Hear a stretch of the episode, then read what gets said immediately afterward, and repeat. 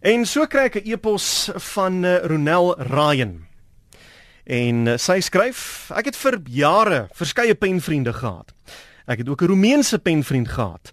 Maar in 1992, nadat hy oor werksgeleenthede in Suid-Afrika uitgevra het, het hy nie meer geskryf nie. Intussen het ek skoon vergeet van al die penvriende en alle korrespondensie vernietig. Behalwe 'n ID-foto van hierdie Roemeense penvriend. Dit het ek vir een of ander rede gehou. Ek het dit nie vernietig nie.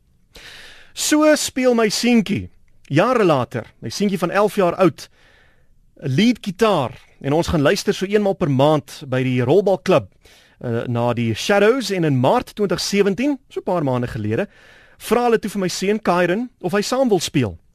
Hy het nie 'n gitaar by hom nie en uh, hy vra toe of hy 'n gitaar kan leen. En so leen een van die gitaarspelers sy gitaar sodat Kyron kan saam speel. Na die vertoning gaan sê ek toe dankie aan die persoon En ek vra toe vir hom wat is sy naam? Dis Cornelius. Ek vra vir hom waar kom hy vandaan? Want hy het baie snaakse aksent. Hy sê toe hy kom van Roemenië.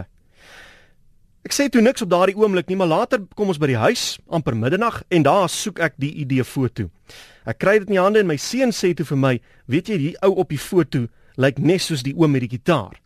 Ek draai die foto om, raai wat staan agter op die foto. Cornelius, 1992.